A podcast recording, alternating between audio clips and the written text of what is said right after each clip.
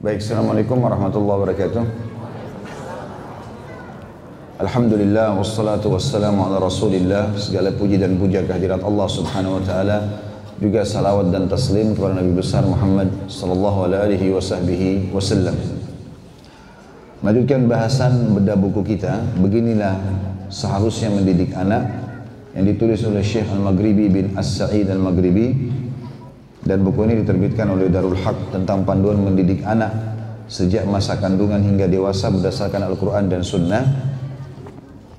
Dan kita lanjutkan bahasan tentang larangan untuk membunuh anak dan sebaliknya motivasi yang sangat besar agar setiap muslim dan muslimah berusaha memohon kepada Allah Subhanahu wa taala agar diberikan keturunan. Larangan tentang tidak boleh membunuh anak ini bermula dari ayat Al-An'am 151. Kita review kembali halaman 14 ya. Yang bunyinya A'udzubillahi minasyaitonirrajim wala taqtulu auladakum min imlaq. Janganlah pernah kalian membunuh anak-anak kalian karena takut miskin. Karena takut miskin. Masuk dalamnya adalah ada orang contoh yang pertama dalam ayat ini maksud membunuh bisa juga berarti tidak berharap ya. Jadi ada orang dari awal menikah nggak mau punya anak. Dan sudah pernah saya jelaskan di buku Mahkota Pengantin khusus untuk akhwat kita kalau ada di antara bapak-bapak yang melamar atau akh ikhwah yang melamar dan mengatakan saya mau nikah sama kamu tapi saya nggak mau punya anak, ini bertolak belakang dengan tujuan syariat. Maka tolak dari awal lamarannya itu. Tidak boleh sama sekali. Kecuali memang dasarnya si perempuan sudah uzur, nggak bisa lagi. Ya, lain, ada penyakit yang berbahaya atau kandungan sudah ditutup atau apalah, ya, atau mungkin sudah manufos ini berbeda. Tapi kalau enggak, maka tujuan syariat adalah pernikahan itu tujuan utamanya memiliki keturunan. Masuk juga dalam makna ini adalah orang yang sengaja aborsi, menggugurkan kandungan. Ini nggak boleh. Ini hukumnya tidak boleh sama sekali. Kalaupun ada ancaman-ancaman, misalnya akan terjadi ini dan terjadi itu, ada rincian para ulama. Ada yang mengatakan misal kalau seorang wanita betul-betul kondisinya tidak memungkinkan. Dia misalnya sudah tiga atau empat kali operasi dan kalau dia hamil lagi maka akan berbahaya. Dia sudah ikhtiar secara medis sudah tidak hamil tapi ternyata hamil juga. Dan diketahui di awal-awal harinya mungkin masih dalam bentuk gumpalan saja atau masih sperma yang ketemu sama sel telur masih awal, maka itu masih ada yang membolehkan kalau dalam keadaan darurat seperti ini. Tapi belum berbentuk, ya, belum berbentuk sama sekali, masih awal-awal. Kalau sudah berbentuk, udah nggak boleh sama sekali mutlak. Ini pendapat ada yang membolehkan ya, tapi pendapat yang paling kuat semuanya tidak boleh. Udah hamil ya terimalah. Ajal di tangan Allah Subhanahu Wa Taala. Berapa banyak wanita yang difonis meninggal gara-gara hamil tidak meninggal, ya kan? Dan berapa banyak wanita meninggal justru dengan tidak hamil pun dia meninggal. Ajal. Ada banyak kasus yang kami temukan di lapangan dan itu penyampaian langsung ya dari jemaah.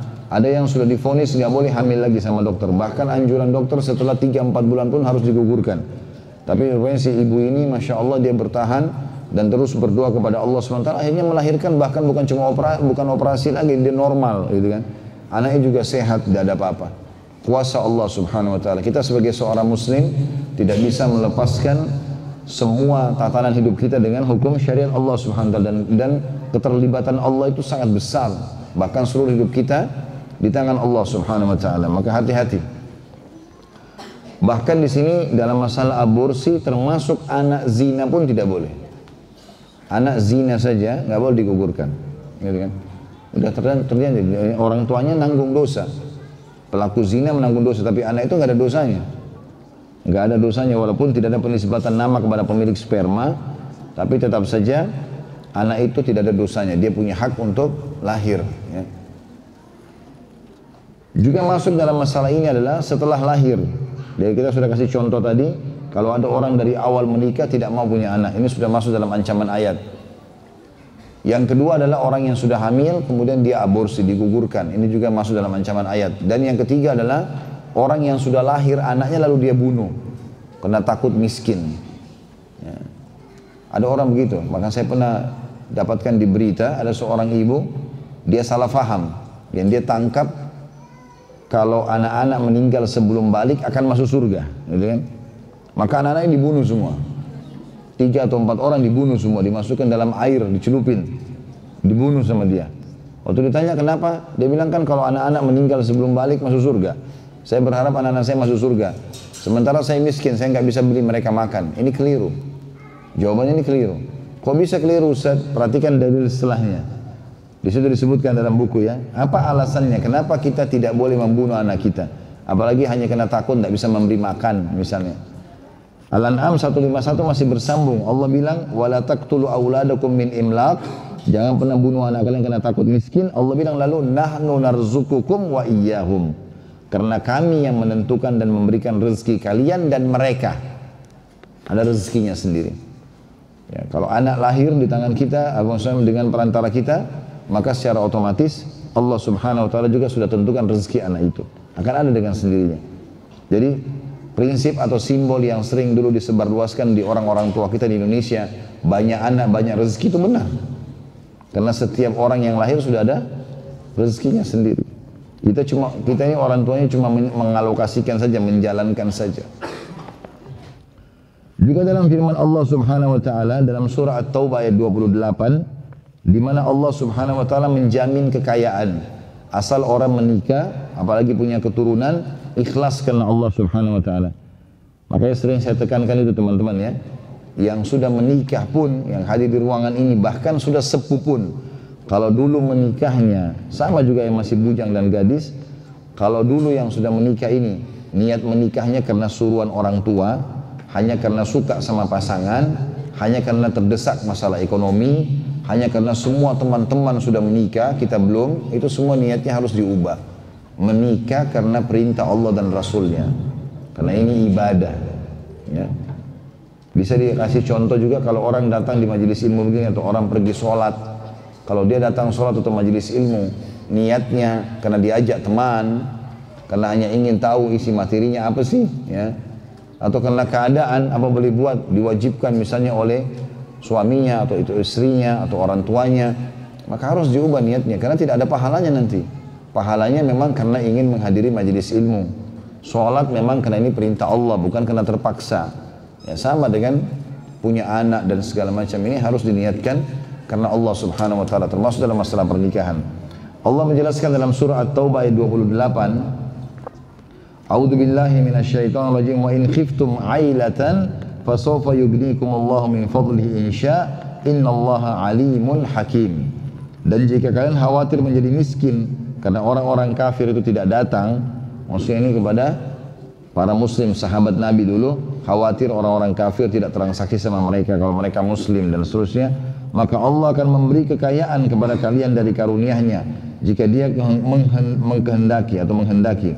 Sesungguhnya Allah Maha mengetahui lagi Maha bijaksana. Artinya Allah SWT tekankan di sini jangan pernah takut dengan keadaan apa pun. Sampai kalian tidak ada pekerjaan pun pengangguran ya belum dikenal oleh orang, tidak ada kenalan, datang di satu wilayah memang masih asing, semua itu tidak ada alasan, bukan udur. Allah SWT sudah tentukan rezeki kita di mana pun rezeki itu. Ya. Kalau Allah sudah tentukan teman-teman makanan itu akan jadi rezeki kita dan makanan itu ada di Bandung dibuat tiga hari lagi kita akan ke Bandung nanti hari ketiga dari sekarang dan kita akan makan makanan itu akan sampai ke kita rezeki itu tidak ada yang luput Bahkan kata Nabi SAW dalam hadis sahih, tidak akan meninggal satu orang ya, atau sosok manusia kecuali semua rezeki yang Allah tentukan di lauhil mahfud sudah datang padanya. Gak mungkin kita meninggal kecuali semua yang Allah catatkan sudah sampai. Mau nggak mau, sudah sampai rezeki itu. Maka jangan sampai kita membunuh gara-gara ini. Pertama, membunuh sendiri dosa besar. Yang kedua, berprasangka buruk sama Allah. Seakan-akan Allah tidak tentukan atau berikan rezeki kepada anak-anak ini. Juga ayat yang lain atau ayat yang sama maaf Ali Imran uh, masih Al-An'am tadi 151 wala taqtulu auladakum min imlakin narzuqukum wa iyyahum ya. Ini diulangi lagi oleh penulis seperti tadi janganlah membunuh anak-anak kalian karena takut miskin kami yang memberi rezeki kepada kalian dan kepada mereka. Ada ayat yang serupa juga ya tapi saya lupa di surah apa. Allah Subhanahu wa taala membalik kalau di sini dikatakan nahnu narzuqukum wa iyyahum kami memberi rezeki kalian dan mereka di ayat lain Allah bilang nahnu narzukuhum wa iyyakum karena kami yang memberi rezeki mereka dan kalian Jadi kedua ayat ini saling menguatkan satu sama yang lain. Jadi dua belah pihak orang tua dan anak atau anak dengan orang tua semuanya Allah sudah tentukan rezekinya. Tugas kita menerima itu sebagai keputusan Allah. Mau anak itu lahir sempurna, cantik, gagah atau jelek, sakit itu amanah dari Allah. Ya kita mengejar pahala di situ, mengejar pahala dengan memberikan yang terbaik karena ini amanah dari Allah Subhanahu wa taala. Imam At-Tabari kata beliau di sini penulis meriwayatkan dari Abu Habs radhiyallahu anhu Umar bin Khattab maksudnya bahwa Nabi SAW bersabda la yadha ahadukum talabal walad fa inna ar-rajula idza mata wa laysa lahu waladun inqata ismu Hadis ini menjelaskan tentang pentingnya setiap muslim dan muslimah berdoa kepada Allah memohon agar diberikan anak. Ya, walaupun tadi ayat atau dalil sebelumnya menjelaskan tentang masalah tidak boleh membunuh anak. Sebaliknya kita harus memohon anak. Kata Nabi SAW, janganlah salah seorang di antara kalian meninggal, meninggalkan usaha untuk mendapatkan anak. Sebab bila seseorang meninggal dunia sementara dia tidak punya anak, maka terputuslah namanya. Gak dikenang lagi. Gitu kan? Dan ini dalam Islam memang motivasi untuk menikah, punya anak besar sekali. Saya kemarin subhanallah bimbing umroh kebetulan plus Spanyol. Pas ke Spanyol, ada satu orang tour leadernya, orang asli sana, Nasrani. Kalau nggak salah beragama Katolik dia. Kemudian saya ngobrol-ngobrol sama dia. Ya. Pada saat lagi ngobrol sama dia, ternyata dia sudah umurnya itu 55 atau nggak nikah. Terus saya tanya, kenapa kamu nggak nikah? Dia bilang, saya bahagia hidup begini. Saya nggak ada beban pikiran, cuma sekedar uh, apa namanya menanggung diri sendiri, gitu kan. Terus saya tanya, bagaimana dengan kebutuhan biologis kamu? Bagaimana dengan uh, yang merawat dan mengurus kamu? Kaum wanita diciptakan oleh Allah Tuhan itu untuk membantu melengkapkan kehidupan suami. Suami laki-laki ini bekerja di luar mencari nafkah dengan sifat kepemimpinannya segala macam menghadapi tantangan luar rumah. Perempuan memang di rumah, gitu kan? Maka dia bilang mungkin dia kena orang non muslim ya, dia menganggap bisa dia lampiaskan dengan cara haram. Lalu saya coba jelaskan tentang hukum Islam. Dia kaget. Kalau Islam itu malah memotivasi orang menikah, dan ada kewajiban dan tugas setiap suami istri bahkan ada motivasi memiliki keturunan sekarang kalau kamu meninggal hilang tidak ada lagi yang mengenang kamu ini meninggal tidak ada nama kalau ada anak dikenang oh ini anaknya si fulan dan akan dibawa terus sampai hari kiamat gitu kan sampai kata Nabi SAW perindahlah nama-nama kalian. Karena sesungguhnya nama-nama kalian akan dipanggil dengan nama-nama dan nama-nama ayah kalian di hari kiamat nanti di mahsyar. Dipanggil fulan bin fulan fulana binti fulan gitu dan seterusnya. Dalam hadis di atas kata penulis, Nabi SAW menganjurkan kepada umatnya agar memperbanyak anak selagi belum mati dan memberi peringatan keras agar jangan sampai meninggalkan dunia tidak meninggalkan keturunan dan beliau tidak menyebut-nyebut tentang kemiskinan, ketakutan dan kurang rezeki karena Allah telah menjamin rezeki masing-masing hambanya itu N yang besar kata ganti Allah secara pasti dan jelas dan dialah D-nya juga besar kata ganti Allah dia lazat yang maha kuat dalam memberi rezeki. Allah menyebutkan tentang masalah rezeki ini dalam surah Az-Zariyat ayat 56 sampai ayat 58. A'udzu billahi minasyaitonir rajim. Wa ma khalaqtul jinna wal insa illa liya'budun. Ma uridu minhum min rizqin wa ma uridu an yut'imun. Innallahu war-razzaqu dzul quwwatil matin. Aku tidak menciptakan jin dan manusia melainkan agar mereka beribadah kepadaku jadi ibadah artinya tunduk, patuh, cinta, takut hanya kepada Allah. Itu tujuan kita diciptakan di muka bumi. Aku tidak menghendaki rezeki sedikit pun dari mereka kata Allah dan aku tidak menghendaki agar mereka memberi makan kepadaku. Sesungguhnya Allah adalah Dia yang Maha memberi rezeki dan mempunyai kekuatan lagi sangat kokoh. Ya. Bisa dilihat itu dalam dalam Al-Qur'an dalam ayatnya dikatakan innallaha huwar razzaq. Lihat nggak? Masih hidup nggak ini? Senyap benar. Lagi khusyuk atau menghayal? Jadi di sini firman Allah SWT, Inna Allah huwa razzaq. Sifat razzaq artinya yang selalu memberi dan tidak pernah habis stoknya. Ya, tidak pernah habis ya, apa pun yang diminta oleh hamba-hambanya. Itu namanya razzaq. Allah SWT menyebutkan sifatnya itu agar hamba-hambanya tidak perlu khawatir. Bahkan dalam hadis Bukhari kata Nabi SAW, kalau kalian bertawakal kepada Allah sebenar-benar tawakal, sudah ikhtiar, buka usaha ini, melamar kerja di sana, melakukan ini dan itu, kemudian tawakal, sudah hasilnya serahkan kepada Allah. Kalau kalian bertawakal kepada Allah dengan sebenar-benar tawakal, pasti Allah akan beri rezeki kepada kalian sebagaimana Allah berikan rezeki burung yang keluar di pagi hari mencari makan dan dia datang sore hari dalam kondisi perutnya kenyang. Dalam kondisi perutnya kenyang, ya. Jadi di sini kita harus yakin Allah Subhanahu wa taala pemberi rezeki. Baik selanjutnya dikatakan oleh penulis membatasi kelahiran tidak boleh kecuali untuk kebutuhan yang bersifat darurat seperti ada penyakit yang bisa menular kepada anak keturunan. Begitu juga boleh mengatur keturunan atau kelahiran untuk tujuan menyusui atau seorang ibu eh, dalam keadaan lemah atau sakit dengan syarat dapat restu dari suami tanpa harus menimpakan bahaya kepada suami dan istri atau salah satunya karena dalam Islam tidak boleh saling menimpakan kerugian jadi nggak boleh juga istri masih masa menyusui lalu dia paksa istrinya untuk hamil lagi ada haknya untuk anak itu diberikan hak menyusui minimal 6 bulan maksimal 2 tahun masa menyapi 2 tahun dalam Al-Quran disebutkan itu ya. Kemudian juga tidak boleh istri sudah lama nggak punya anak, lalu kemudian suaminya minta dia nggak mau dengan alasan tidak mau hamil lagi. Ini keliru. Karena setiap kali hamil ada pahalanya sendiri. Bahkan kalau wanita meninggal dalam kondisi melahirkan dia mati syahid. Sama dengan laki-laki masuk di medan perang. Semua itu ada pahalanya. Belum lagi ada peremajaan. Ya. Jadi peremajaan wanita itu puncaknya di rahim sebenarnya. Makanya ada darah haid, ada darah nifas, ya itu puncak peremajaan wanita itu justru di haid dan nifasnya. Kalau itu tidak keluar maka ada masalah di sisi kesehatan dia dan peremajaan dirinya gitu kan. Jadi sebenarnya secara alami eh, ibu-ibu dan akhwat kita kalau mau menjaga kecantikannya ya, itu tubuhnya itu sebenarnya dengan rutinitas haid yang bagus dan juga puncaknya pada saat nifas itu habis melahirkan. Ya subhanallah kita temukan orang-orang saya pernah temukan banyak sekali orang-orang tua dari kerabat-kerabat kami sampai umur 90 tahun matanya masih terang ya, badannya masih kuat itu subhanallah anaknya di atas 10 semuanya anaknya 10, 12 ya, ada yang punya anak 16 gitu kan. Kalau wanita akhir zaman subhanallah satu saja sudah nggak mau lagi. Padahal itu bisa jadi amal jariah buat dia gitu kan. Maka dikatakan sini tidak boleh juga kalau ada menimpakan kerugian atau beban dari kepada salah satu pasangan ya.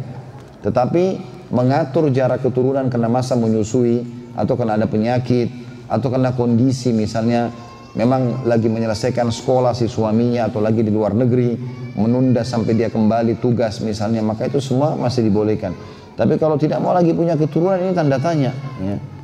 karena memang ini hukum syariat bahkan kata Nabi SAW menikahlah dengan wanita yang subur dan penyayang karena aku akan bangga dengan jumlah umatku yang banyak pada hari kiamat jadi masih makin banyak kaum muslimin yang menjadi ahli surga otomatis. Gitu kan?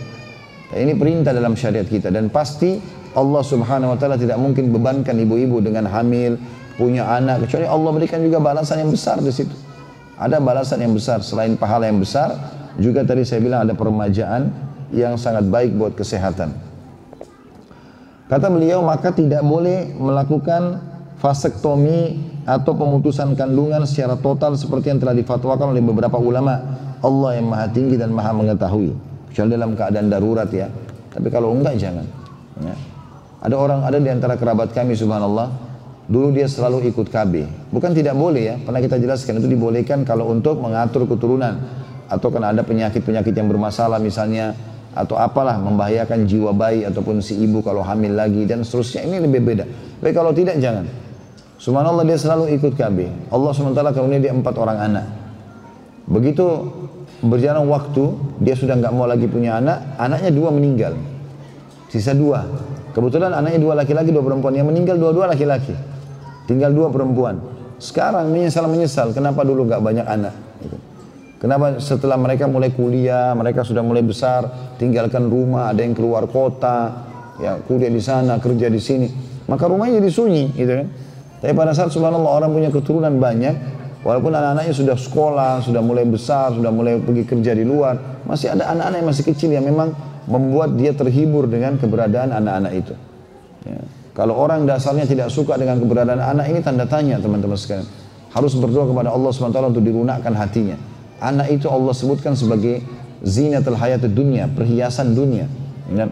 Keindahan, ada masa-masa, ada saat dia bayi, ada lucunya sendiri, pada saat dia mulai anak-anak juga begitu, pada saat dia mulai dewasa juga begitu, ada semua kenang-kenangan sendiri bersama mereka. Saya subhanallah secapek apa pun pulang ke rumah lihat anak-anak ajak saya bermain, hilang semuanya gitu. Ya, makanya sangat tanda tanya kalau ada orang yang justru tidak suka dengan keberadaan anak ya, apalagi memang mereka itu Allah SWT, apalagi kalau diberikan Allah SWT berikan anak-anak yang sempurna, yang gagah, yang cantik, yang pintar, yang merespon orang tua gitu ya. Kadang-kadang saya lagi capek sekali, anak-anak datang masih kecil-kecil, Allah amanahkan ke saya, datang di pangkuan. Lalu minta untuk ajak bermain, kadang-kadang mereka senyum. Saya lagi kadang-kadang lagi bikin sesuatu, wajah saya dilihatin sama mereka dengan lucunya. Jadi kita terhibur dengan itu. Ya saya lupakan banyak hal dan masya Allah terhibur dengan anak-anak ini. Allah SWT berikan kebaikan dan banyak juga yang mendoakan kita. Jadi kan? Bahkan ada dalam sebuah hadis Bukhari, nanti akan datang orang pada hari kiamat diberikan pahala bergunung-gunung banyak sekali. Sampai dia heran, dia mengatakan pada para malaikat, dari mana amal ini? Saya kayaknya nggak pernah buat gitu. Kata malaikat, ini istighfar anakmu untukmu. Jadi kalau anaknya satu yang istighfar, beda dengan yang tiga yang istighfar. Beda dengan kalau lima istighfar, beda dengan kalau yang sepuluh istighfar. Gitu kan. Persepsi-persepsi wanita kota sekarang ini banyak harus diluruskan. Ini. Ya, yang kadang-kadang karena terbawa dengan alur fikiran yang pola fikir yang berbeda dengan Islam, maka mereka pun tidak ingin memiliki keturunan atau membatasinya dengan tanpa ada udur syar'i. Ada poin kedua, dikatakan di sini oleh penulis mengikuti sunnah Nabi SAW dengan baik. Karena dengan menikah, kata beliau, jumlah umat Nabi SAW menjadi banyak. Sejalan dengan hadis dari Ma'qil bin Yasar radhiyallahu anhu, dia berkata, ada seseorang yang datang kepada Nabi SAW lalu berkata, sungguhnya aku telah mencintai seorang wanita yang sangat cantik, lagi jelita, namun tidak bisa melahirkan, mandul. Apakah boleh aku menikah dengannya? Beliau SAW mengatakan, jangan atau tidak. Kemudian dia datang lagi yang kedua kalinya, hari yang berbeda. Ya Rasulullah, saya ingin menikahi wanita itu, saya suka sekali, paras wajahnya cantik, ya cocoklah saya sama dia gitu. Boleh saya nikahi tapi dia mandul. Nabi SAW mengatakan tidak. Terus saja Nabi larang sampai yang ketiga kali. Setelah yang keempat kali dia datang, Nabi mengatakan, Tazawwajul waludal wadud, fa inni mukathirum bikum. Nikahlah wanita yang berpotensi banyak anak atau subur dan penyayang. Karena aku akan berbangga diri di hadapan para nabi pada hari kiamat dengan jumlah kalian yang banyak. Hadis ini hadis sahih diriwayatkan Abu Daud nomor 2050. Begitu juga diriwayatkan oleh An-Nasai dan Al-Hakim. Hadis ini menjelaskan kepada kita tentang pentingnya memiliki keturunan yang banyak dengan mencari pasangan yang subur. Ya, mencari pasangan yang subur. Dan ini cara mengetahuinya sederhana tentu. Kalau zaman sekarang sudah lebih canggih lagi, lebih mudah ya. Dengan cara misalnya meminta sebelum pernikahan mengecek di dokter atau di rumah sakit ya Baik itu mengecek masalah darah, mengecek masalah kesehatan itu juga bagus. Kalau enggak, maka kita bisa secara alami melihat jalur keluarganya. Kalau dari keluarganya, dari ibunya, dari ayahnya memang punya keturunan banyak, maka itu sudah cukup jadi patokan buat kita. Ya, karena dasarnya mereka berarti subur. Dan ini sunnah Nabi alaihi salatu wassalam. Ya, sunnah Nabi alaihi salatu wassalam. Yang dimaksud juga di sini berpotensi memiliki atau memiliki banyak anak dan penyayang. Makna penyayang adalah wanita yang memang pengen punya anak. Subhanallah ada beberapa wanita yang Allah SWT karunia kasih sayang yang luar biasa. Dia pada saat e, menikah dia sayang suaminya, pada saat dia hamil dia gembira, pada saat dia punya anak dia urus. Ada orang subhanallah begitu. Sampai beberapa anak pun semua dia bahagia menyambutnya. Saya melihat orang seperti ini malah berkah hidupnya. Nanti pada saat anak-anaknya besar, bakti semua sama dia, suaminya juga sayang sama dia. Banyak hal yang Allah SWT berkahi justru karena pengorbanan dia buat keturunan manusia yang banyak ini. Apalagi keturunan orang-orang beriman kepada Allah Subhanahu Wa Taala. Ibnu Majah juga meriwayatkan dari Aisyah radhiyallahu anha, beliau berkata bahwasanya Rasulullah SAW bersabda, "An nikahu sunnati faman lam ya'mal bi sunnati falaysa minni wa tazawwaju fa inni mukathirun bikumul umama yawmal qiyamah wa man kana dha taulin falyankih wa man lam fa inna as-sauma lahu wija jadi maksudnya adalah motivasi untuk mendapatkan anak dengan cara menikah dan menikah ini segera dilakukan tanpa dihubungkan dengan prestasi dunia sebagaimana sudah pernah saya titik beratkan masalah itu. Jadi tidak harus sarjana dulu baru menikah ya. Dia harus punya kerja dulu baru menikah. Tapi bagaimana dia menjalankan sunnah Nabi SAW dengan niat ikhlas sambil dia mencari nafkah. Karena seorang laki-laki punya kewajiban menafkahi istrinya pada saat dia sudah akad nikah. Maka mulai hari itu makan istrinya tanggung jawab dia. Kalau dia bisa bekerja mendapatkan hasil hari itu sudah cukup bagi dia. Dan tinggal menikah dengan orang yang sekufu atau sepadan. Ya, orang yang bisa menerima keadaan kita. Saya sudah pernah jelaskan itu ya kepada ikhwah kita. Jangan menikah, pendapatan antum 2 juta per bulan menikah dengan wanita bedaknya saja sudah 5 juta. Hmm. Kosmetikanya 5 juta. Bangkrut ya tiap bulan utang 3 juta. Tapi cari yang bedaknya 50 ribu. Ya. Pakai bedak baby. Ya. Atau mungkin tidak pakai kosmetika malah. Yang penting menikah dengan manusia. Ya. Kemudian punya keturunan. Ya. Karena ada juga orang begitu subhanallah ya.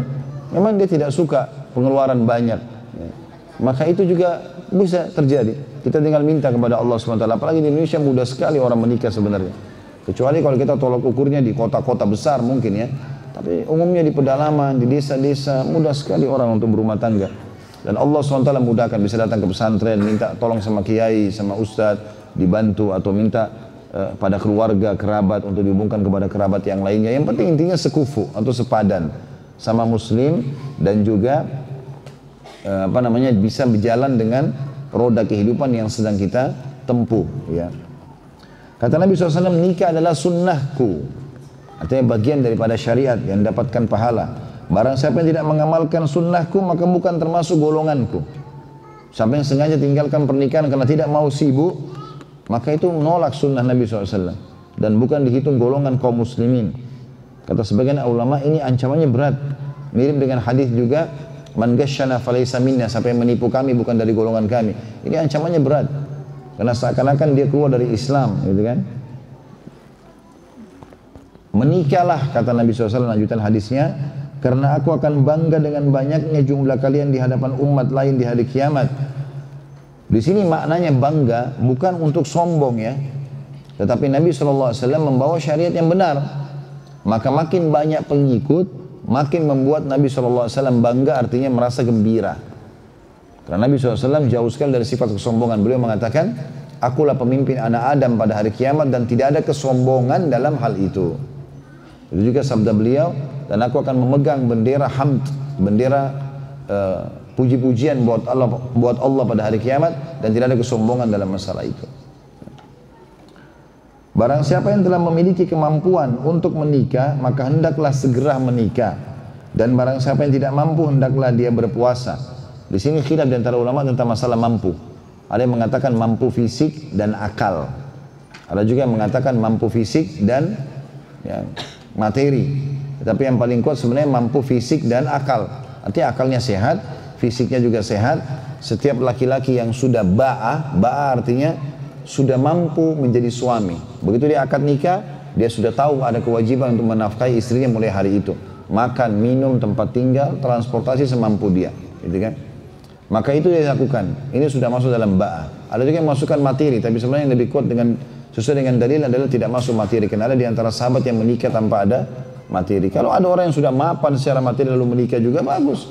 Tapi kalau enggak tidak menghalangi dia untuk menjalankan sunnah Nabi SAW. Ini makna daripada mampu. Barang siapa yang telah memiliki kemampuan untuk menikah maka hendaklah ia menikah. Dan barang siapa yang tidak mampu hendaklah berpuasa. Karena puasa itu bisa menjadi penekan hawa nafsunya. Hadis ini hadis hadis sahih diriwayatkan Ibnu Majah di nomor 1832. Jadi kalau misalnya sudah bergejolak syahwat dan ternyata kita masih belum bisa menikah, maka kita berpuasa. Karena umumnya syahwat datang dari makanan dan minuman. Kalau orang puasa teredam secara otomatis karena makanan dan minuman asupan ke dalam tubuh lebih kurang. Ya. Maka secara otomatis syahwatnya akan teredam. Kata beliau pernikahan merupakan sunnah Nabi dan banyaknya jumlah umat membuat Rasulullah SAW senang dan bergembira karena beliau bangga di hadapan umat lain pada hari kiamat nanti. Jadi ini tujuan pernikahan yang kedua ya. Kalau kita kembali bagi Bapak Ibu pegang buku di halaman 12 kita sedang membahas sebenarnya tujuan pernikahan dalam Islam ya. Poin pertama, kelestarian anak manusia dan sudah kita lakukan dua pertemuan khusus membahas masalah pentingnya memiliki anak. Yang terakhir tadi sudah kita bahas di awal pembukaan kita. Kemudian kita sudah masuk poin kedua tentang tujuan pernikahan adalah mengikuti sunnah Nabi SAW dengan baik. Ini juga sudah saya titik beratkan tadi, jangan menikah kecuali memang niatnya karena ini perintah agama. Ikhlas karena itu. Saya sudah kasih contoh, orang kalau pergi haji, dia ikhlas karena ini adalah ibadah karena Allah, biar panas, biar biayanya besar, biar banyak menyita energi, kadang-kadang di sana sakit, ya. Maka pada saat dia pulang ditanya mau haji lagi, pasti jawabannya iya. Tapi kalau niatnya bukan karena Allah, hanya untuk belanja, hanya untuk ikut-ikutan, maka ini tentu ditawarkan haji lagi mungkin tidak akan mau melakukan. Ikhlas karena Allah itu dan Rasulnya, perintah Rasulullah, Rasulnya Muhammad SAW itu akan mendorong orang untuk bertahan dan menikmati ibadah yang sedang diperintahkan. Tujuan yang ketiga, mencari anak dengan tujuan mencari pahala. Seorang muslim menikah bertujuan untuk mendapatkan anak keturunan untuk dididik dalam rangka mengharap wajah Allah. Tentu bedanya dengan poin pertama tadi, poin pertama kelestarian anak manusia ya. Ini mirip dengan poin ketiga. Di sini sengaja mencari anak dengan tujuan mencari pahala. Seorang muslim menikah bertujuan untuk mendapatkan anak keturunan untuk dididik dalam rangka mengharap wajah Allah, artinya ikhlas karena Allah. Bukan sekedar berbangga-bangga terhadap anak, karena izzah atau kemuliaan dan kebanggaan hanya milik Allah bukan karena semata-mata memiliki anak yang benar memiliki anak yang benar harta dan anak merupakan perhiasan dunia maka sebaik-baik amal usaha seorang hamba adalah mendapatkan keturunan yang soleh memberi nafkah, mendidik, mengasuh, membesarkan anak dan memeras keringat banting tulang siang dan malam untuk menjaga anak. Akan menjadi pahala besar bagi kedua orang tua. Dengan syarat semua itu dilakukan ikhlas dan tulus mencari balasan dari Allah. Kemudian demi kejayaan dan kemajuan Islam dan kaum muslimin. Artinya keturunan ini diharapkan nanti jadi pemimpin muslim jadi ulama, jadi panglima perang jadi pemimpin negara dan seterusnya dari Umar bin Khattab radhiyallahu dia mengatakan saya mendengar Nabi SAW bersabda inna malu bin niat wa inna likulli imri'in ma Sesungguhnya amal-amal perbuatan tergantung niatnya dan masing-masing orang akan mendapatkan sesuai dengan apa yang dia niatkan. Hadis ini riwayat Bukhari Muslim. Kalau teman-teman niatnya dapat anak hanya untuk berbangga-bangga, maka hanya itu yang didapatkan. Mendapatkan anak hanya untuk menahan supaya pasangan tidak menceraikan atau tidak cerai, ini juga akan dapat sesuai dengan niatnya saja.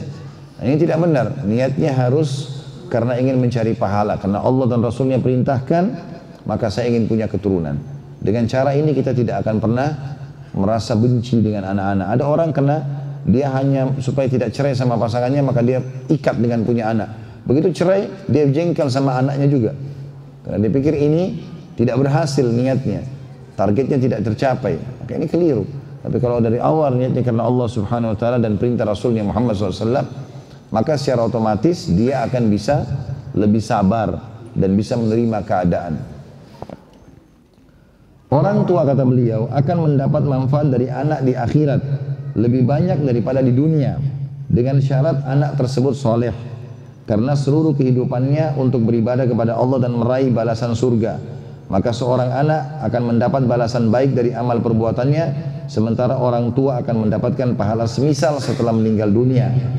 Karena anak adalah hasil usaha orang tua dan karunia Allah. Maka Allah memberi karunia anak perempuan atau laki-laki kepada siapa saja yang dikehendakinya. Sebagaimana sabda Nabi SAW wa inna atyaba ma akaltum min kasbikum wa innal aulada min kasbikum.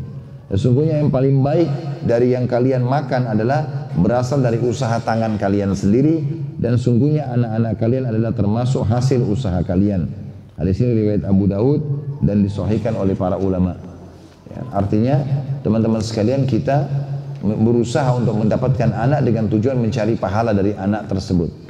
Ya, dan bentuk anak-anak itu dari awal menjadi generasi soleh. Di buku ini nanti akan banyak sekali ya pola pendidikan anak. Ini masih di pembukaan-pembukaan bahasan awal, masih tujuan pernikahan. Nanti akan kita rincikan tentang poin-poin bagaimana membentuk keturunan kita menjadi anak yang soleh dan soleha.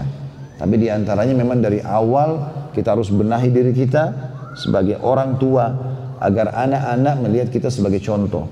Setiap kali kita melakukan perbuatan, anak sedang merekam apa yang kita lakukan. perkataan yang kita ucapkan juga direkam sama dia. Makanya tidak jarang anak-anak biasa mencontohi metode yang orang tuanya lakukan. Kalau ada anak suka teriak-teriak, marah-marah, itu biasanya kena orang tuanya biasa begitu di rumah. Maka secara otomatis anak-anak ikut, gitu kan? Dan segala macam contoh berhubungan dengan masalah ini. Yang jelas teman-teman jadikan anak-anak yang Allah amanahkan keluar dari rahim ibu-ibu, dari sperma bapak-bapak, itu semua jadikan mereka sebagai aset amal jariah. Bukan hanya sekedar lahir baru kita biarkan. Dan termasuk bentuk kasih sayang kita kepada diri kita sendiri dan anak-anak itu kita masukkan di sekolah-sekolah agama. Ya, ini sekolah-sekolah agama bukan pilihan tapi kewajiban. Bagaimana mereka belajar agama sehingga mereka punya ilmu agama yang memperkenalkan mereka kepada Tuhan mereka dan tentu menjadi amal jariah buat kita. Tujuan pernikahan yang keempat memelihara kesucian diri dan ibadah kepada Allah. Jadi supaya tidak berzina maksudnya. Tujuan utama pernikahan dalam Islam adalah untuk memelihara diri dan menghindarkan diri dari perbuatan haram dan kotor. Semoga Allah SWT melindungi kita. Sebagaimana sabda Nabi SAW fi bidi ahadikum lahu sadaqah. Qalu ya Rasulullah ayati ahaduna syahwata wa yakunu lahu fiha ajr Qala ara'aytum law wada' law wada'aha fi haramin akana alaihi wizr? Qalu bala. Qala fakadzalika law wada'aha fi halalin kana lahu fiha ajr.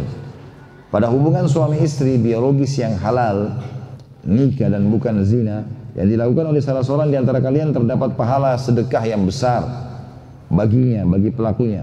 Mereka berkata para sahabat wahai Rasulullah, apakah salah seorang di antara kami memenuhi syahwatnya dan mendapatkan juga pahala darinya? Beliau bersabda, bagaimana menurut kalian jika kalau kalian menyalurkannya pada tempat yang haram? Apakah dia mendapatkan dosa? Maksudnya zina. Maka para sahabat menjawab tentu. Beliau pun bersabda sallallahu alaihi wasallam, begitu pula bila dia menyalurkannya pada tempat yang halal, maka dia mendapatkan pahala. Jadi memang tujuan pernikahan salah satunya yang sangat utama adalah pelampiasan biologis. Dan sudah pernah saya bilang ini fitrah. Fitrah alami. Selama kita normal, kita akan tiba saatnya di umur-umur tertentu kita ingin ngobrol sama lawan jenis, kita ingin berbicara, ingin menatap, ingin pegangan, ingin ciuman, ingin biologis. Itu muncul syahwat itu. Allah SWT hiasi dalam diri manusia. Tapi Allah ajarkan caranya. Itu dengan cara menikah. Diajarkan caranya melamar, meminta, khidbah. Kemudian ada dua saksi, akad nikah, segala macam. Selesai akad nikah sudah selesai. Ya. Maka semuanya bisa dilampiaskan. Dan ini tujuan pernikahan. Bagi orang yang sudah menikah pun kalau malas melakukan biologis itu waswas syaitan. Syaitan melarang atau menghalangi kata para ulama agar suami istri yang sudah halal melampiaskan biologis mereka. Bahkan sering kali syaitan membuat hanya karena pertengkaran kecil saja sudah cukup membuat suami istri tidak berhubungan dalam sepekan, dalam dua pekan, dalam satu bulan. Bahkan ada orang yang naudzubillah sampai sekian tahun tidak berhubungan biologis. Ini keliru. Ada orang yang datang kepada saya mengatakan, Ustaz saya sampai 10 tahun tidak pernah bergaul sama istri saya. Kenapa? Iya karena saya pernah marah dengan dia. Ini tak boleh. Masa gara-gara marah di satu kejadian lalu kemudian tidak melakukan biologis ini keliru. Biologis adalah ibadah dan bagian daripada syariat, itu kan?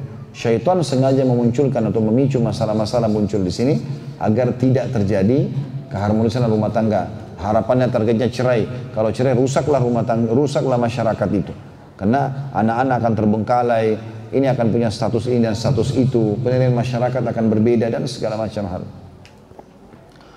Dikatakan oleh beliau, pendidik pertama manusia, Muhammad SAW, maksudnya Nabi Muhammad SAW, telah menganjurkan kepada semua pemuda agar segera menikah bila telah mampu menikah untuk memelihara kesucian diri dan membentenginya dari perbuatan mungkar dan kotor.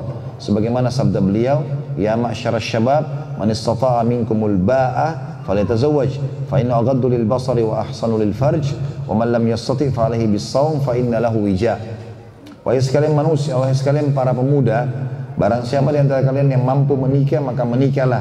karena, karena demikian itu lebih menundukkan pandangan dan lebih menjaga kemaluan. Barang siapa yang tidak mampu menikah, maka hendaklah dia berpuasa sebab puasa itu dapat menjadi penekan hawa nafsunya. Hadis ini hadis sahih diriwayatkan oleh Imam Muslim.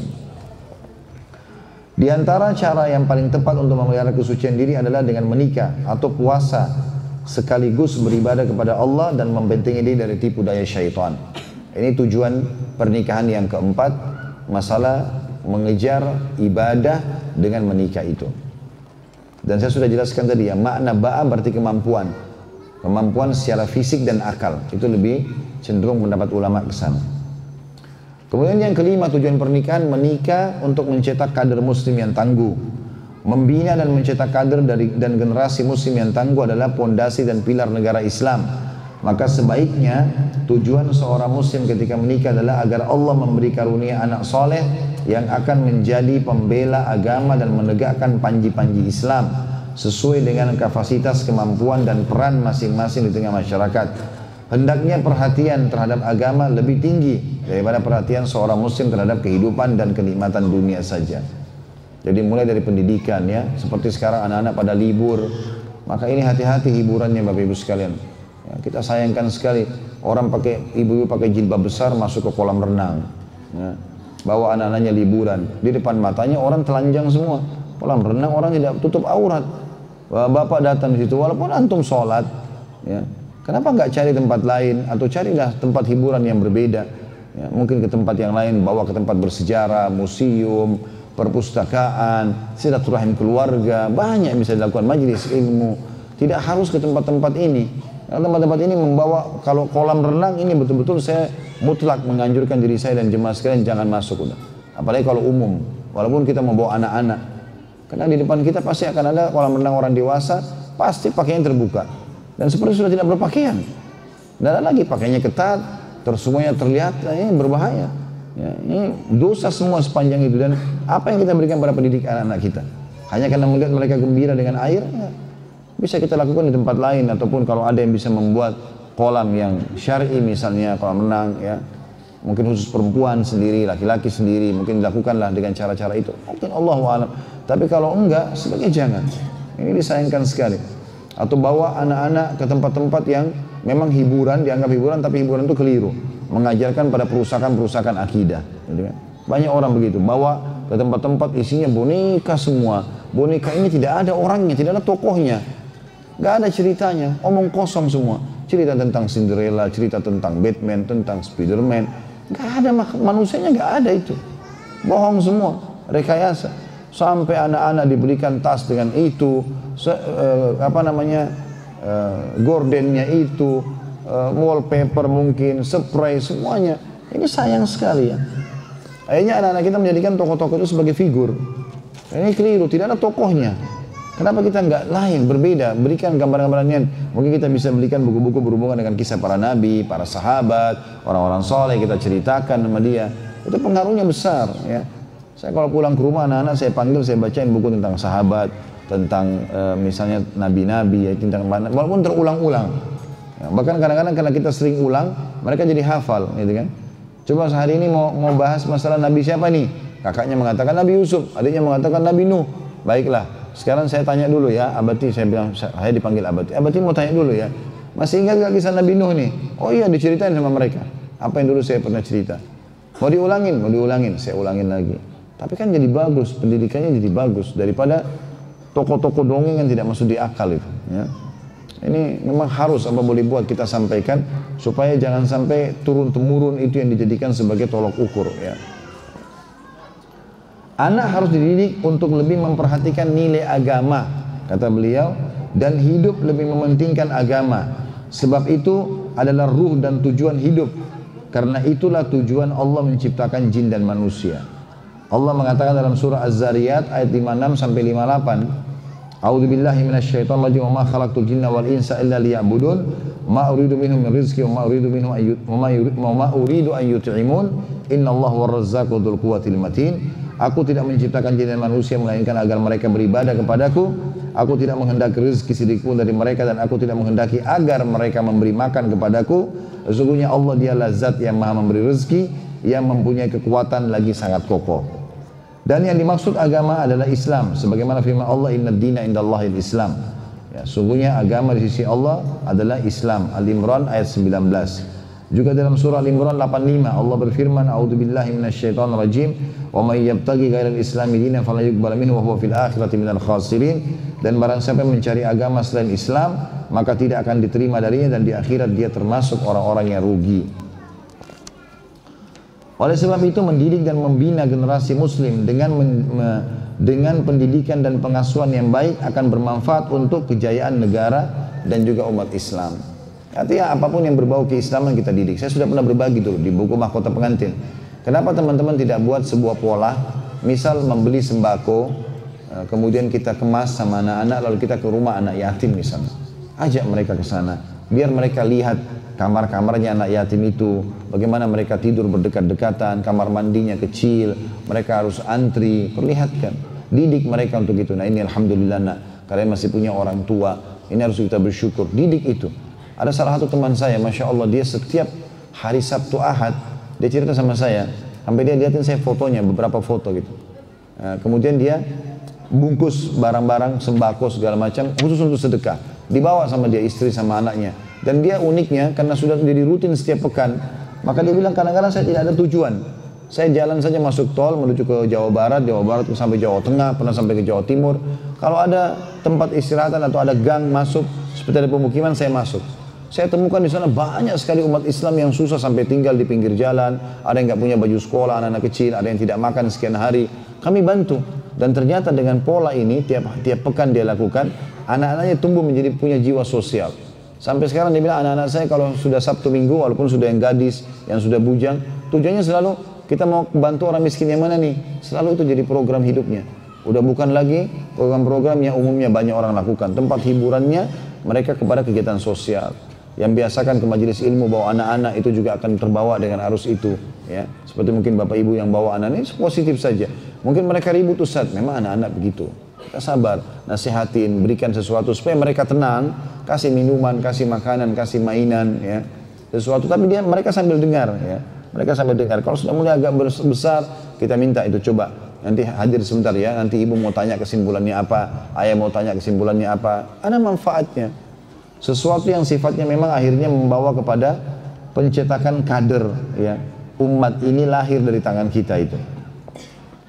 Yang keenam, tujuan juga pernikahan menikah dengan mencetak kader jihad di jalan Allah. Jadi ini lebih cenderung kepada kekuatan fisik ya. Bagaimana melatih secara fisik anak-anak itu tumbuh sebagai orang-orang yang kuat mental, kuat fisik, ya, sehat akal. Kata beliau, saudaraku ketahuilah anak merupakan hasil usaha bagimu dan sebaik-baik hasil usaha yang kalian makan adalah dari jerih payah tanganmu. Dan berusahalah agar hasil usaha dan pahala tersebut besar dan mulia. Lebih mulia lagi bila menikah dengan tujuan untuk mencetak kader jihad di jalan Allah. Dengan demikian pahala yang anda raih besar walaupun seandainya anda tidak dikaruniai anak. Ketika anda menggauli istri hendaklah berniat mendapatkan anak yang soleh dan berlindung dari keburukan syaitan serta berharap agar diberi rezeki anak soleh menjadi hamba Allah yang menegakkan tauhid, ibadah dan bersyukur kepada Allah sehingga dia akan menjadi cahaya kebaikan, penegak kebenaran di antara makhluk, e, pendebar manfaat, pejuang nilai kejujuran dan memakmurkan bumi ini. Hal di atas dikuatkan oleh riwayat yang ada dalam Sahih Bukhari. Bab man talabal walad lil jihad. Bab khusus siapa yang memohon diberikan anak untuk berjihad dari Abu Hurairah radhiyallahu bahwasanya Rasulullah SAW bersabda, Nabi Sulaiman bin Daud alaihi wassalam berkata, pada malam ini saya akan menggilir 100 atau 99 dari istriku dan semuanya akan melahirkan anak ahli perang yang berjihad di jalan Allah. Maka temannya mengatakan kepadanya, katakanlah insya Allah. Maksudnya sahabatnya Nabi Sulaiman. Tapi beliau tidak mengucapkan insya Allah. Maka tidaklah hamil dari mereka kecuali satu istri saja yang melahirkan anak laki-laki tidak utuh Maksudnya ada cacatnya. Dan demi zat yang jiwaku ada di tangannya kata Nabi SAW maksudnya demi Allah jikalau beliau mengucapkan insya Allah niscaya beliau akan di, mendapatkan dari istri-istri beliau anak-anak yang ahli perang dan berjihad di jalan Allah. Hadis ini riwayat Bukhari dan Muslim. Hadis ini menjelaskan tentang kondisi Nabi Sulaiman alaihissalam Nabi Sulaiman memang Allah SWT karuniai istri yang sangat banyak. Dan bab poligami sudah pernah kita bahas di masalah uh, mahkota pengantin ini memang sudah ada dalam syariat-syariat Nabi-Nabi sebelum kita. Cuma di dalam syariat Nabi Muhammad SAW dibatasi dengan empat wanita. Di zaman Nabi Sulaiman AS, beliau memiliki seratus orang istri. Dan pernah karena inginnya mendapatkan keturunan jihad, mujahidin, beliau mengatakan malam ini saya akan gauli semua istri saya dan saya berharap Allah kasih anak dari setiap istri dari gaulan malam ini semuanya hamil untuk melahirkan anak mujahid di jalan Allah. Tapi sempat diingatkan, bilanglah insya Allah wahai Nabiullah, tapi Nabi Sulaiman tidak ucapkan. maka semuanya gagal kecuali satu saja istrinya hamil dan itu pun cacat. Maka Nabi SAW ingatkan, demi Allah kalau seandainya dia Sulaiman mengatakan insya Allah maka dia akan dapat apa yang dia niatkan. Ya artinya memang diniatkan untuk mendapatkan anak yang soleh, yang baik pada saat melakukan hubungan biologis dan dia siap untuk berjihad membela agama Allah SWT. Juga dalam riwayat yang lain Abu Hurairah mengatakan dari Nabi SAW bahwasanya Nabi Sulaiman bin Daud alaihi berkata, pada malam ini saya akan menggilir 100 wanita dari istriku. Semuanya akan melahirkan anak yang ahli perang dan berjihad di jalan Allah. Maka temannya berkata, katakanlah insya Allah. Tapi beliau tidak mengucapkan insya Allah lalu beliau menggilir mereka dan tidak ada yang hamil kecuali seorang istri saja yang akhirnya melahirkan bayi laki-laki yang tidak utuh. Demi zat, kata Nabi Muhammad SAW, demi zat yang jiwaku ada di tangannya, jikalau beliau, maksudnya Sulaiman mengucapkan insya Allah, beliau tidak akan melanggar sumpah ya, dan akan terpenuhi hajatnya. Ya, maksudnya Allah Subhanahu wa taala akan memenuhi sumpahnya atau Allah SWT akan memenuhi sumpah hambanya dan akan memenuhi hajatnya kalau dia niat baik. Hadis ini riwayat Bukhari Muslim. Al-Hafidh Ibnu Hajar berkata dalam kitab Fathul Bari pada bab talab al-walad bil jihad memohon punya anak agar bisa berjihad hendaknya seorang muslim ketika menggauli istrinya berniat mencari putra agar berjihad di jalan Allah sehingga akan meraih pahala meskipun tidak mendapatkan anak Bahkan sebagian ulama mengatakan meskipun anaknya tidak jadi mujahid nanti, dia sudah dapat pahala jihad karena dia niat anak itu akan berjihad di jalan Allah subhanahu wa ta'ala. Yang terakhir tujuan pernikahan dan setelah ini kita buka pertanyaan adalah menikah untuk mencari kecukupan hidup. Artinya menikah bisa menjadi penyebab kekayaan. Ya. Allah berfirman masalah itu dalam surah An-Nur ayat 32. A'udzu billahi minasyaitonir rajim. Wa ankihul ayama minkum wassalihin min ibadikum wa imaikum in yakunu fuqara yughnihimullah min fadli wallahu wasi'un alim. Dan nikahkanlah orang yang masih membujang di antara kalian. Makna di sini wa ankihul ayama minkum nikahkan mereka baik kita punya anak laki-laki atau perempuan kita segera nikahkan atau ada muslim yang belum menikah bantu dia untuk menikah. Kalau dia melamar terima lamarannya. Allah mengatakan nikahkanlah orang-orang yang masih membujang di antara kalian laki-laki atau perempuan dan juga orang-orang yang layak menikah dari hamba-hamba sahaya kalian yang laki-laki dan perempuan. Kalau punya hamba sahaya pun bukan hanya sekedar dipekerjakan dan diambil hasil kerjanya misalnya atau dibagi hasil kerjanya tapi juga dia dinikahkan. Jika mereka adalah orang-orang yang fakir sebelum menikah maka Allah akan mencukupkan mereka dari karunia-Nya. Maksudnya Allah akan berikan kekayaan dan Allah Maha luas karunia-Nya lagi Maha mengetahui. Dalil ini kata Ibnu Katsir rahimahullah dalam tafsirnya ini adalah perintah jelas dari Allah untuk menikah dan sebagian ulama berpendapat bahwa menikah berhukum wajib bagi setiap orang yang telah mampu berdali dengan zahir hadis Nabi sallallahu alaihi wasallam Ya ma'syara syabab man istata' minkumul ba'a falyatazawwaj fa inna aghaddu lil basar wa ahsanu lil farj wa man lam yastati' fa alayhi bis fa inna lahu wija. Wahai sekalian pemuda, barang siapa yang di antara kalian yang mampu menikah maka nikahlah karena demikian itu lebih menundukkan pandangan dari yang haram dan lebih menjaga kemaluan juga dari yang haram. Barang siapa yang tidak mampu menikah maka hendaklah dia berpuasa sebab puasa dapat menjadi, menjadi penekan hawa nafsunya. Kemudian beliau menuturkan bahwa menikah sebab yang bisa mendatangkan kecukupan hingga atau kecukupan hidup berdali dengan firman Allah Subhanahu wa taala jika mereka adalah orang-orang fakir Allah akan mencukupkan mereka dari karunia-Nya dan Allah Maha luas karunia-Nya lagi Maha mengetahui. Maksudnya Ibnu Katsir rahimahullah menafsirkan An-Nur ayat 32 memastikan dengan hadis Nabi tadi bahwasanya orang yang miskin akan Allah kayakan dengan pernikahan. Ini juga ada hadis yang lain ya ada hadis yang lain yang kata Nabi SAW, tiga orang yang pasti Allah berikan rezeki. Ya, tidak mungkin tidak. Di antaranya orang yang menikah karena takut terjerumus pada yang haram. Dari riwayat Abu Bakar radhiyallahu beliau berkata, taatilah Allah dalam perintah menikah, maka Dia Allah akan memenuhi janjinya kepadamu dengan kecukupan hidup. Sebagaimana Allah berfirman, jika mereka adalah orang-orang yang fakir, Allah akan mencukupkan mereka dari karunia-Nya dan Allah maha luas karunia lagi maha mengetahui An-Nur 32 Abdullah bin Mas'ud radhiyallahu anhu mengatakan carilah kecukupan dari menikah Karena Allah SWT telah berfirman jika mereka adalah orang-orang yang fakir, niscaya Allah akan mencukupkan mereka dari karunia-Nya dan Allah Maha luas karunia lagi Maha mengetahui. Surah An-Nur ayat 32. Jadi ternyata memang menikah itu adalah salah satu sumber rezeki yang pasti akan dibukakan oleh Allah Subhanahu wa taala. Ada keturunan juga Allah bukakan lagi rezeki yang lain.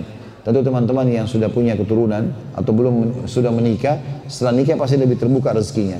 Setelah punya anak ada lagi pintu rezeki yang lain dan seterusnya. Makin banyak Allah amanahkan tanggungan, maka makin besar rezeki yang dibukakan. Ya, Allah. Baik itu bahasan kita. Subhanakallahumma bihamdika أشهد أن لا إله إلا أنت أستغفرك وأتوب إليك. والسلام عليكم ورحمة الله وبركاته.